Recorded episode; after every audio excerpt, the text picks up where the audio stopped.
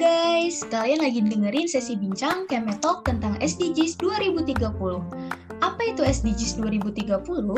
SDGs atau Sustainable Development Goals merupakan suatu rencana aksi global yang disepakati oleh para pemimpin dunia, termasuk Indonesia, guna untuk mengakhiri kemiskinan, mengurangi kesenjangan, dan melindungi lingkungan. Yuk, langsung dengerin bincang kita.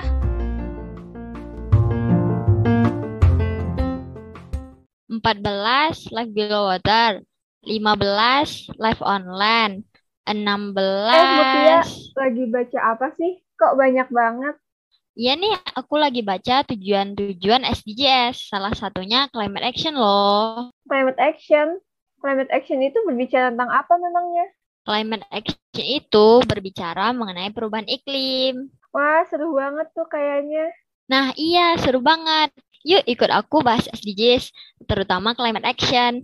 Ayo, let's go. Let's go. Halo semuanya. Pertama, kenalin aku dia dari Teknik Kimia Angkatan 2021. Nah, di sini aku nggak sendiri nih. Aku ditemenin sama beberapa teman-temanku. Boleh langsung aja kali ya untuk kenalan. Dimulai dari Kiki dulu. Halo Kiki. Halo, kenalin Uh, aku Kiki dari Teknik Kimia Angkatan 2021. Boleh dilanjut, Mutia. Halo semua, nama aku Mutia dari Teknik Kimia Angkatan 2021. Boleh dilanjut, Jingga? Halo, kenalin aku Jingga dari Teknik Kimia Angkatan 2021. Boleh dilanjut nih, Raisa? Oke, makasih Jingga. Hai semua, kenalin aku Raisya dari Teknik Kimia Angkatan 2021.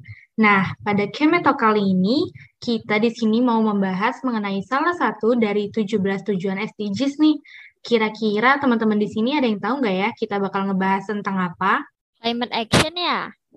Wah, betul banget nih Mutia. Jadi kita di sini akan membahas tentang climate action.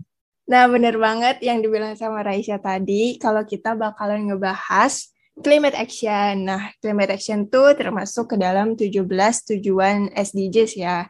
Nah, sebenarnya kalau boleh tahu climate action itu masuk tujuan ke berapa ya? Kalian harus tahu nih, climate action itu termasuk tujuan ke-13 dalam SDGs. Jingga, aku mau nanya dong, climate action itu gimana sih? Nah, climate action itu membahas aksi yang kita lakukan untuk memerangi perubahan iklim dan dampaknya. Melalui climate action, ini kita diajak untuk menyelamatkan lingkungan dengan cara membantu memecahkan masalah tentang perubahan iklim yang patut terjadi. Oh gitu. Terus ada yang tahu nggak perubahan iklim itu apa? Nah, kalau ngomongin tentang perubahan iklim, perubahan iklim itu seperti perubahan pada suhu, terus juga curah hujan, pola angin, dan berbagai efek-efek lain secara drastis. Untuk penyebab perubahan iklim sendiri, baik secara langsung maupun tidak langsung, itu terdapat campur tangan manusia.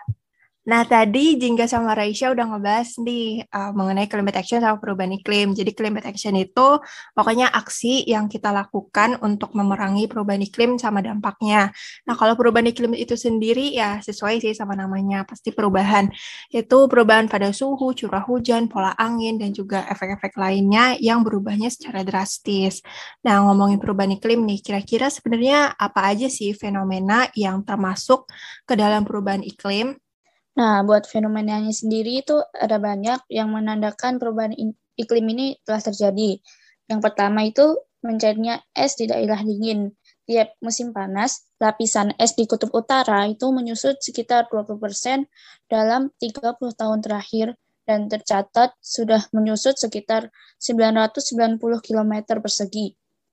Nah, perkiraan para ahli, musim panas tahun 2080 nanti di kutub utara udah nggak akan ada lagi hamparan es. Gak cuma di kutub utara loh, jadi cairnya es ini juga terjadi di daerah dingin seperti kutub selatan, Austria, dan juga Alaska. Kalau di Alaska, suhu musim panasnya beda dari biasanya. Nah, uh, suhunya itu berubah jadi lebih hangat kisaran 19,5 derajat Celcius, yang bahkan suhu tersebut lebih hangat daripada California. Contohnya contoh lainnya itu sebagian gletser di Himalaya mencair lebih cepat. Pegunungan Himalaya ini merupakan seperti kutub ketiga di bumi karena gletsernya itu terbesar setelah Antartika dan Arktik. Nah, hal ini juga menunjukkan bahwa mencairnya Gletser ini memiliki dampak yang besar bagi bumi. Nah, selain fenomena-fenomena yang udah dijelasin sama Mutia dan Kiki tadi, ternyata masih banyak banget nih fenomena-fenomena serupa yang terjadi. Bahkan di Indonesia sendiri, hal ini pun terjadi. Contohnya, Puncak Jaya Wijaya di Papua yang terkenal memiliki salju yang disebut dengan salju abadi. Jadi, tahun ke tahun, salju yang ada di puncak Jayawijaya ini terus menyusut drastis. Bahkan para peneliti memperkirakan pada tahun 2025 nanti semua salju yang ada di sana akan habis. Dan kalau hal ini terjadi ya otomatis Indonesia tidak akan punya lagi deh yang namanya salju abadi. Wah, itu dia salah satu fenomena mengenai perubahan iklim ya, yaitu fenomena mencairnya es dan juga naiknya suhu di daerah yang dingin. Tadi ada di Kutub Utara, Kutub Selatan, Austria, dan juga Alaska, serta uh, Himalaya. Bahkan di Indonesia sendiri itu pun terjadi. Salah satu kebanggaan kita yaitu salju abadi yang ada di Papua, di tepatnya di Puncak Jayawijaya, itu juga kena dampak dari perubahan iklim. Dan katanya tahun 2025 bakalan habis saljunya. Wah, kalau kayak gitu kebanggaan kita itu salju abadi bakalan nggak ada lagi deh. Nah, ngomongin perubahan iklim nih, masih ada satu fenomena lagi yang bakalan dibahas sama kita. Fenomena ini bakalan dibahas sama Jingga. Gimana nih Jingga? Nah, iya, ada satu fenomena lagi terkait perubahan iklim. Fenomena ini adalah tentang lubang raksasa atau sinkhole di tepi Laut Mati Yordania. Fenomena ini telah meningkat selama beberapa tahun terakhir, membuat daerah sekitarnya tidak aman bagi pengunjung dan penduduk lokal.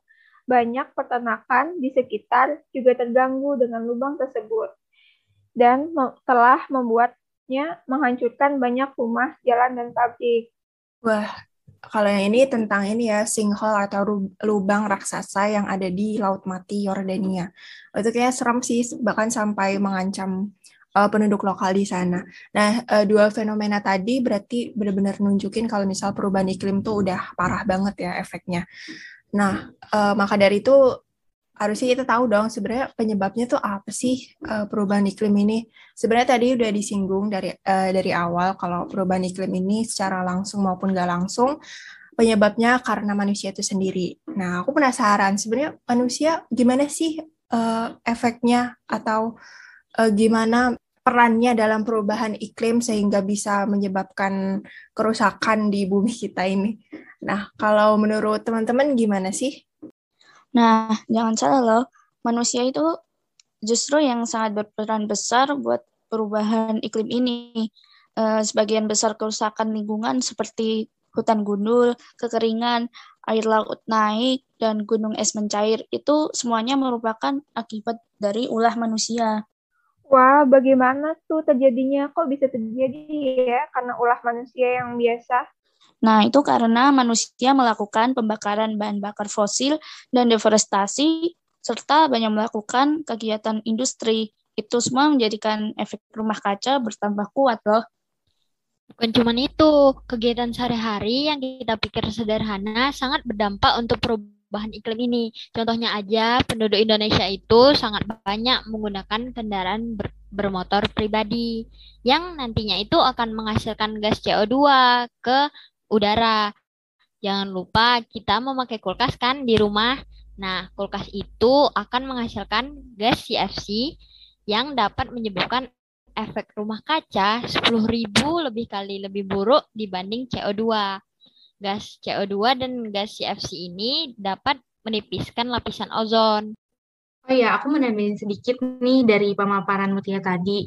Setelah aku cari tahu, ternyata tempat sampah yang menjadi lokasi pembusukan itu dapat menghasilkan banyak zat metan loh, yang nantinya itu akan menjadikan bertambahnya kadar gas rumah kaca. Wah, ternyata kegiatan sehari-hari manusia dampaknya besar banget ya buat perubahan iklim. Tadi uh, cuman berkendara terus uh, pakai kulkas ternyata itu efeknya besar banget buat bumi kita. Nah, tadi kita udah tahu nih penyebabnya. Kalau ada sebab pasti ada dong akibatnya. Nah, menurut teman-teman apa sih akibat atau dampak dari perubahan iklim yang bakalan ngerugiin kita dan untuk masa depan kita atau singkatnya efek jangka panjang dari si perubahan iklim ini. Kalau menurut Kiki gimana nih Ki?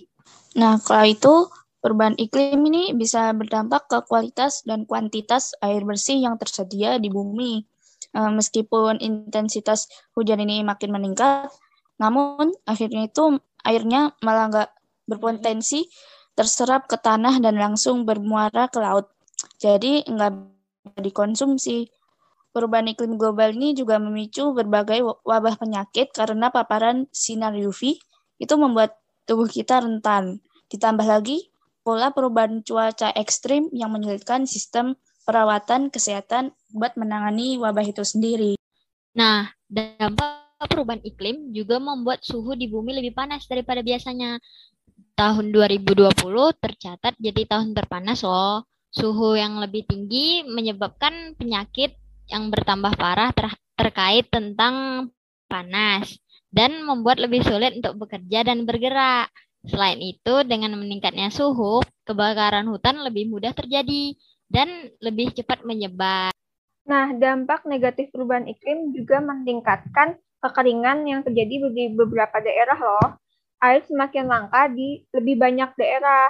Kekeringan itu dapat menimbulkan badai pasir dan debu yang dapat merusak dan memindahkan miliaran ton pasir melintasi benua gurun akan semakin besar dan oleh karena itu mengurangi lahan untuk menanam makanan. Nah, selain itu, dampak perubahan iklim ini juga akan membuat pemanasan dan naiknya air laut. Jadi, nantinya laut akan menyerap sebagian besar panas yang berasal dari pemanasan global. Nah, hal ini tentunya menyebabkan mencairnya lapisan es dan menaikkan permukaan laut. Nah, kalau misalnya air laut ini naik, tentu aja akan membuat berkurangnya daratan yang ada di dunia dan bisa menyebabkan kondisi yang kurang baik bagi komunitas pesisir dan pulau. Wah, itu tadi uh, akibat atau dampak dari perubahan iklim. Ternyata banyak juga ya. Ada perubahan ke kualitas dan kuantitas air bersih, terus ada wabah penyakit, ada cuaca panas, ada kekeringan, terus juga ada naiknya air laut wah itu kalau misalnya terjadi di masa depan dan terjadi dalam satu waktu nggak kebayang sih gimana kondisinya. Nah, tadi kita udah tahu ya eh, seberapa parah akibat dari perubahan iklim ini. Pasti kita sebagai manusia harus ada dong uh, tindakan untuk ngatasin perubahan iklim ini. Tapi di sini aku mau ngecekin teman-teman buat ngomongin tindakan dari pemerintah dulu nih. Nggak usah jauh-jauh, pemerintah kita dulu deh. Udah ada gak sih langkah yang diambil sama pemerintah Indonesia terhadap isu perubahan iklim ini? Kira-kira ada nggak nih? Wah, pastinya ada dong. Pemerintah Indonesia tidak mungkin cuek terhadap kasus ini. Pemerintah Indonesia bergerak cepat dengan mengeluarkan Undang-Undang Nomor 16 Tahun 2016 tentang pengesahan Paris Agreement to the United Nations Framework Convention on Climate Change. Nah, nggak cuma itu, pemerintah juga menetapkan target penurunan gas rumah kaca dalam NDC Indonesia. Nah, kalau misalnya ditanya gimana sih caranya? Nah, caranya adalah dengan terus mengurangi terjadinya kebakaran lahan dan hutan. Penurunan emisi ini sebesar 29% dengan upaya sendiri dan 41% dengan dukungan internasional hingga tahun 2030 nanti. Nah, terkait masalah itu, Presiden Jokowi juga menyampaikan empat langkah strategis untuk menangani perubahan iklim. Yang pertama, memastikan semua negara memenuhi kontribusi nasional. Yang kedua, menggerakkan potensi masyarakat untuk bersama-sama menumbuhkan kesadaran dalam menangani dampak perubahan iklim. Yang ketiga, kepala negara juga menyatukan penguatan kemitraan global. Dan yang terakhir, mengajak seluruh negara untuk terus melanjutkan pembangunan hijau guna menjadikan dunia yang lebih baik. Wah, ternyata udah banyak ya langkah-langkah yang diambil sama pemerintah. Tadi udah ada undang-undangnya juga, terus ada uh, menetapkan target penurunan gas rumah kaca, dan juga ada empat langkah strategis yang di, uh, disampaikan sama Presiden Jokowi. Nah, kita sebagai masyarakat, sebagai mahasiswa juga nih, kita juga harus ada kontribusi dan partisipasi dong untuk mengatasi perubahan iklim ini. Apalagi uh, tadi pemerintah udah ada ini ada langkah-langkahnya. Uh, langkah-langkah dari pemerintah nggak bakalan maksimal dan nggak bakalan berjalan lancar kalau kita juga nggak bak uh, kalau kita juga nggak ambil partisipasi.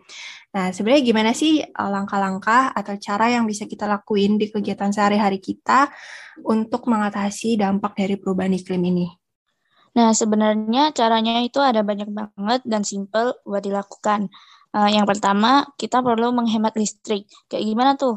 Kayak gini contohnya, pakai lampu hemat energi, pilih alat, alat listrik yang pas kapasitasnya, kemudian matikan atau cabut steker alat listrik yang menganggur, kemudian jangan terlalu bergantung dengan AC, dan upayakan rumah dapat cahaya matahari yang optimal biar waktu siang hari kita nggak perlu nyalain lampu. Uh, terus batasi penggunaan produk disposable atau sekali pakai dan kalau kita punya kertas-kertas bekas bisa diberikan ke pemulung. Selanjutnya hemat penggunaan air. Aku ada tips nih untuk kalian semua dalam menghemat air. Jadi saat kita gosok gigi atau keramas kita bisa matiin airnya dulu dan habis cuci sayur kan kita bisa ngumpulin airnya untuk dipakai lagi. Entah itu untuk nyiram tanaman atau untuk merendam lap kotor. Jangan lupa periksa secara berkala ya keran dan pipa air di rumah. Jadi jika di, jika bocor segera diganti. Kalau aku aku mau kasih tahu kalian cara menghemat penggunaan bahan bakar. Untuk menghemat bahan bakar yang pertama debat kita lakukan adalah melakukan perawatan yang baik terhadap mesin kendaraan yang kedua, memeriksa tekanan ban, karena tekanan ban yang salah dapat memperburuk penggunaan BBM. Yang ketiga, hindari penggunaan kendaraan yang sistemnya tidak efisien. Dan yang terakhir, menggunakan kendaraan sesuai kebutuhan yang kita perlukan. Wah, itu tadi langkah-langkah yang dibilang sama teman-teman ternyata langkah-langkah yang simpel, nggak ngabisin tenaga, nggak buang-buang energi kita juga, malah kita disuruh hemat, hemat air, hemat listrik, hemat bahan bakar. Nah, itu uh, selain berdampak ke bumi kita, ternyata eh, dampaknya juga ada dong ke kita, kita jadi hemat, jadi nggak perlu ngeluarin uang banyak deh. Wah, kita udah ini ya, udah banyak banget pembahasannya. Tadi kita udah ngebahas uh, climate action itu apa, terus fenomena dari climate change atau perubahan iklim, terus sebab dan akibatnya, dan juga yang terakhir tadi uh, solusi atau langkah-langkah yang bisa kita lakuin. Nah, semoga uh, setelah diskusi kita kali ini, kita bisa nerapin hal-hal yang uh, baik dan dampaknya bagus untuk perubahan iklim. Oke, mungkin segitu aja kali ya diskusi pada kali ini. Sekian dari kami, pantangin terus ya podcast Kemi Talk yang pastinya bakalan banyak topik-topik yang lebih menarik. Terima kasih sudah mendengarkan podcast ini.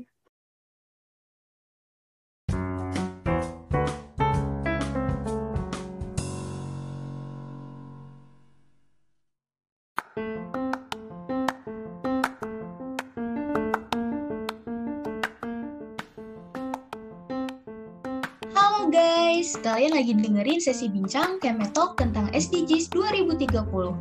Apa itu SDGs 2030? SDGs atau Sustainable Development Goals merupakan suatu rencana aksi global yang disepakati oleh para pemimpin dunia, termasuk Indonesia, guna untuk mengakhiri kemiskinan, mengurangi kesenjangan, dan melindungi lingkungan. Yuk, langsung dengerin bincang kita.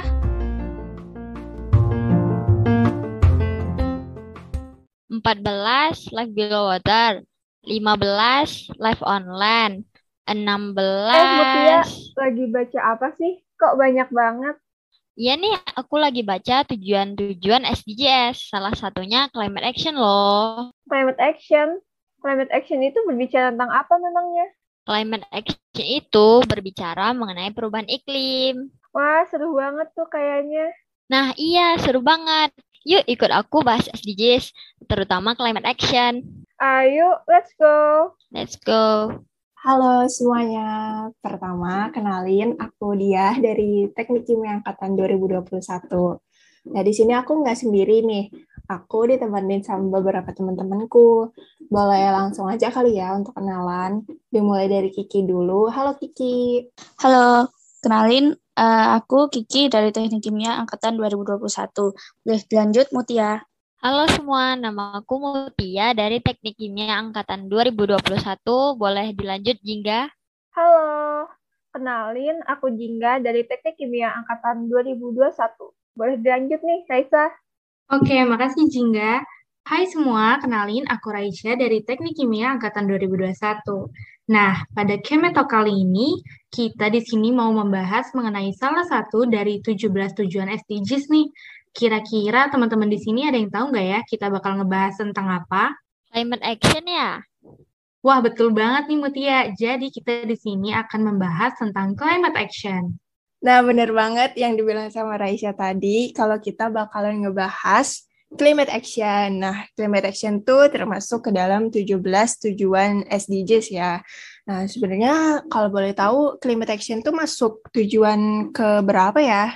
Kalian harus tahu nih, climate action itu termasuk tujuan ke-13 dalam SDGs. Jingga, aku mau nanya dong, climate action itu gimana sih? Nah, climate action itu membahas aksi yang kita lakukan untuk memerangi perubahan iklim dan dampaknya. Melalui climate action, ini kita diajak untuk menyelamatkan lingkungan dengan cara membantu memecahkan masalah tentang perubahan iklim yang patut terjadi.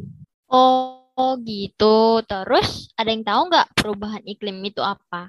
Nah, kalau ngomongin tentang perubahan iklim, perubahan iklim itu seperti perubahan pada suhu, terus juga curah hujan, pola angin, dan berbagai efek-efek lain secara drastis. Untuk penyebab perubahan iklim sendiri, baik secara langsung maupun tidak langsung, itu terdapat campur tangan manusia. Nah, tadi Jingga sama Raisya udah ngebahas nih uh, mengenai climate action sama perubahan iklim. Jadi climate action itu pokoknya aksi yang kita lakukan untuk memerangi perubahan iklim sama dampaknya. Nah, kalau perubahan iklim itu sendiri ya sesuai sih sama namanya, pasti perubahan. Itu perubahan pada suhu, curah hujan, pola angin, dan juga efek-efek lainnya yang berubahnya secara drastis. Nah, ngomongin perubahan iklim nih, kira-kira sebenarnya apa aja sih fenomena yang termasuk ke dalam perubahan iklim Nah, buat fenomenanya sendiri itu ada banyak yang menandakan perubahan iklim ini telah terjadi. Yang pertama itu mencairnya es di daerah dingin. Tiap musim panas, lapisan es di kutub utara itu menyusut sekitar 20% dalam 30 tahun terakhir dan tercatat sudah menyusut sekitar 990 km persegi. Nah, perkiraan para ahli, musim panas tahun 2080 nanti di kutub utara udah nggak akan ada lagi hamparan es. Gak cuma di kutub utara loh, jadi cairnya es ini juga terjadi di daerah dingin seperti kutub selatan, Austria, dan juga Alaska. Kalau di Alaska, suhu musim panasnya beda dari biasanya. Nah, uh, suhunya itu berubah jadi lebih hangat kisaran 19,5 derajat Celcius, yang bahkan suhu tersebut lebih hangat daripada California.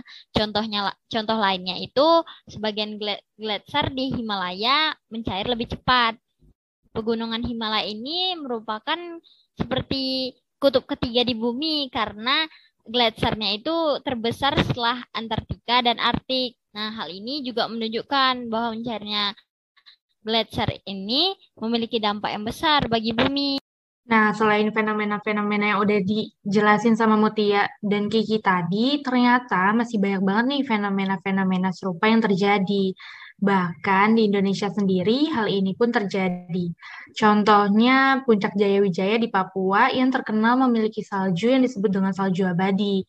Jadi, tahun ke tahun, salju yang ada di puncak Jaya Wijaya ini terus menyusut drastis. Bahkan para peneliti memperkirakan pada tahun 2025 nanti semua salju yang ada di sana akan habis. Dan kalau hal ini terjadi ya otomatis Indonesia tidak akan punya lagi deh yang namanya salju abadi. Wah, itu dia salah satu fenomena mengenai perubahan iklim ya, yaitu fenomena mencairnya es dan juga naiknya suhu di daerah yang dingin. Tadi ada di Kutub Utara, Kutub Selatan, Austria, dan juga Alaska, serta uh, Himalaya.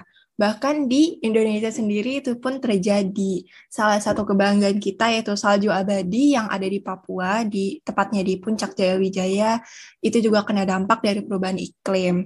Dan katanya tahun 2025 bakalan habis saljunya. Wah, kalau kayak gitu kebanggaan kita itu salju abadi bakalan nggak ada lagi deh. Nah, ngomongin perubahan iklim nih, masih ada satu fenomena lagi yang bakalan dibahas sama kita. Fenomena ini bakalan dibahas sama Jingga. Gimana nih Jingga? Nah, iya, ada satu fenomena lagi terkait perubahan iklim. Fenomena ini adalah tentang lubang raksasa atau sinkhole di tepi Laut Mati Yordania. Fenomena ini telah meningkat selama beberapa tahun terakhir, membuat daerah sekitarnya tidak aman bagi pengunjung dan penduduk lokal. Banyak peternakan di sekitar juga terganggu dengan lubang tersebut dan telah membuatnya menghancurkan banyak rumah, jalan, dan pabrik. Wah, kalau yang ini tentang ini ya sinkhole atau lubang raksasa yang ada di Laut Mati Yordania. Itu kayaknya serem sih bahkan sampai mengancam uh, penduduk lokal di sana. Nah, uh, dua fenomena tadi berarti benar-benar nunjukin kalau misal perubahan iklim tuh udah parah banget ya efeknya. Nah, uh, maka dari itu harusnya kita tahu dong sebenarnya penyebabnya tuh apa sih uh, perubahan iklim ini. Sebenarnya tadi udah disinggung dari uh, dari awal kalau perubahan iklim ini secara langsung maupun gak langsung penyebabnya karena manusia itu sendiri. Nah, aku penasaran sebenarnya manusia gimana sih uh, efeknya atau uh, gimana perannya dalam perubahan iklim sehingga bisa menyebabkan kerusakan di bumi kita ini. Nah, kalau menurut teman-teman gimana sih? Nah, jangan salah loh, manusia itu justru yang sangat berperan besar buat perubahan iklim ini. Uh, sebagian besar kerusakan lingkungan seperti hutan gundul, kekeringan, air laut naik, dan gunung es mencair itu semuanya merupakan akibat dari ulah manusia. Wah, bagaimana tuh terjadinya? Kok bisa terjadi ya karena ulah manusia yang biasa? Nah, itu karena manusia melakukan pembakaran bahan bakar fosil dan deforestasi, serta banyak melakukan kegiatan industri. Itu semua menjadikan efek rumah kaca bertambah kuat loh. Bukan cuma itu, kegiatan sehari-hari yang kita pikir sederhana sangat berdampak untuk perubahan iklim ini. Contohnya aja, penduduk Indonesia itu sangat banyak menggunakan kendaraan ber bermotor pribadi yang nantinya itu akan menghasilkan gas CO2 ke udara. Jangan lupa kita memakai kulkas kan di rumah. Nah, kulkas itu akan menghasilkan gas CFC yang dapat menyebabkan efek rumah kaca 10.000 lebih kali lebih buruk dibanding CO2 gas CO2 dan gas CFC ini dapat menipiskan lapisan ozon. Oh ya, aku menambahin sedikit nih dari pemaparan Mutia tadi. Setelah aku cari tahu, ternyata tempat sampah yang menjadi lokasi pembusukan itu dapat menghasilkan banyak zat metan loh, yang nantinya itu akan menjadikan bertambahnya kadar gas rumah kaca. Wah, ternyata kegiatan sehari-hari manusia dampaknya besar banget ya buat perubahan iklim. Tadi uh, cuman berkendara terus uh, pakai kulkas ternyata itu efeknya besar banget buat bumi kita. Nah, tadi kita udah tahu nih penyebabnya. Kalau ada sebab pasti ada dong akibatnya. Nah, menurut teman-teman, apa sih akibat atau dampak dari perubahan iklim yang bakalan ngerugiin kita dan untuk masa depan kita atau singkatnya efek jangka panjang dari si perubahan iklim ini. Kalau menurut Kiki gimana nih Ki? Nah, kalau itu Perubahan iklim ini bisa berdampak ke kualitas dan kuantitas air bersih yang tersedia di bumi. Eh, meskipun intensitas hujan ini makin meningkat, namun akhirnya itu airnya malah nggak berpotensi terserap ke tanah dan langsung bermuara ke laut. Jadi nggak dikonsumsi. Perubahan iklim global ini juga memicu berbagai wabah penyakit karena paparan sinar UV itu membuat tubuh kita rentan. Ditambah lagi, pola perubahan cuaca ekstrim yang menyulitkan sistem perawatan kesehatan buat menangani wabah itu sendiri. Nah, dampak perubahan iklim juga membuat suhu di bumi lebih panas daripada biasanya. Tahun 2020 tercatat jadi tahun terpanas loh. Suhu yang lebih tinggi menyebabkan penyakit yang bertambah parah ter terkait tentang panas dan membuat lebih sulit untuk bekerja dan bergerak. Selain itu, dengan meningkatnya suhu, kebakaran hutan lebih mudah terjadi dan lebih cepat menyebar. Nah, dampak negatif perubahan iklim juga meningkatkan kekeringan yang terjadi di beberapa daerah loh. Air semakin langka di lebih banyak daerah. Kekeringan itu dapat menimbulkan badai pasir dan debu yang dapat merusak dan memindahkan miliaran ton pasir melintasi benua gurun akan semakin besar dan oleh karena itu mengurangi lahan untuk menanam makanan. Nah, selain itu, dampak perubahan iklim ini juga akan membuat pemanasan dan naiknya air laut. Jadi nantinya laut akan menyerap sebagian besar panas yang berasal dari pemanasan global. Nah, hal ini tentunya menyebabkan mencairan lapisan es dan menaikkan permukaan laut. Nah, kalau misalnya air laut ini naik, tentu aja akan membuat berkurangnya daratan yang ada di dunia dan bisa menyebabkan kondisi yang kurang baik bagi komunitas pesisir dan pulau. Wah, itu tadi uh, akibat atau dampak dari perubahan iklim. Ternyata banyak juga ya. Ada perubahan ke kualitas dan kuantitas air bersih, terus ada wabah penyakit, ada cuaca panas, ada kekeringan, terus juga ada naiknya air laut. Wah, itu kalau misalnya terjadi di masa depan dan terjadi dalam satu waktu, nggak kebayang sih gimana kondisinya. Nah, Tadi kita udah tahu ya uh, seberapa parah akibat dari perubahan iklim ini. Pasti kita sebagai manusia harus ada dong uh, tindakan untuk ngatasin perubahan iklim ini. Tapi di sini aku mau ngecekin teman-teman buat ngomongin tindakan dari pemerintah dulu nih. Nggak usah jauh-jauh, pemerintah kita dulu deh. Udah ada gak sih langkah yang diambil sama pemerintah Indonesia terhadap isu perubahan iklim ini? Kira-kira ada nggak nih? Wah, pastinya ada dong. Pemerintah Indonesia tidak mungkin cuek terhadap kasus ini. Pemerintah Indonesia bergerak cepat dengan mengeluarkan Undang-Undang Nomor 16 Tahun 2016 tentang pengesahan Paris Agreement to the United Nations Framework Convention on Climate Change. Nah, gak cuma itu, pemerintah juga menetapkan target penurunan gas rumah kaca dalam NDC Indonesia. Nah, kalau misalnya ditanya gimana sih caranya, Nah, caranya adalah dengan terus mengurangi terjadinya kebakaran lahan dan hutan. Penurunan emisi ini sebesar 29% dengan upaya sendiri dan 41% dengan dukungan internasional hingga tahun 2030 nanti. Nah, terkait masalah itu, Presiden Jokowi juga menyampaikan empat langkah strategis untuk menangani perubahan iklim. Yang pertama, memastikan semua negara memenuhi kontribusi nasional. Yang kedua, menggerakkan potensi masyarakat untuk bersama-sama menumbuhkan kesadaran dalam menangani dampak perubahan iklim. Yang ketiga, kepala negara juga menyatukan penguatan kemitraan global. Dan yang terakhir, mengajak seluruh negara untuk terus melanjutkan pembangunan hijau guna menjadikan dunia yang lebih baik. Wah, ternyata udah banyak ya langkah-langkah yang diambil sama pemerintah. Tadi udah ada undang-undangnya juga, terus ada uh, menetapkan target penurunan gas rumah kaca dan juga ada empat langkah strategis yang di uh, disampaikan sama Presiden Jokowi. Nah, kita sebagai masyarakat, sebagai mahasiswa juga nih, kita juga harus ada kontribusi dan partisipasi dong untuk mengatasi perubahan iklim ini. Apalagi uh, tadi pemerintah udah ada ini ada langkah-langkahnya. Uh, langkah-langkah dari pemerintah nggak bakalan maksimal dan nggak bakalan berjalan lancar kalau kita juga nggak bak uh, kalau kita juga nggak ambil partisipasi. Nah, sebenarnya gimana sih langkah-langkah atau cara yang bisa kita lakuin di kegiatan sehari-hari kita untuk mengatasi dampak dari perubahan iklim ini? Nah, sebenarnya caranya itu ada banyak banget dan simple buat dilakukan.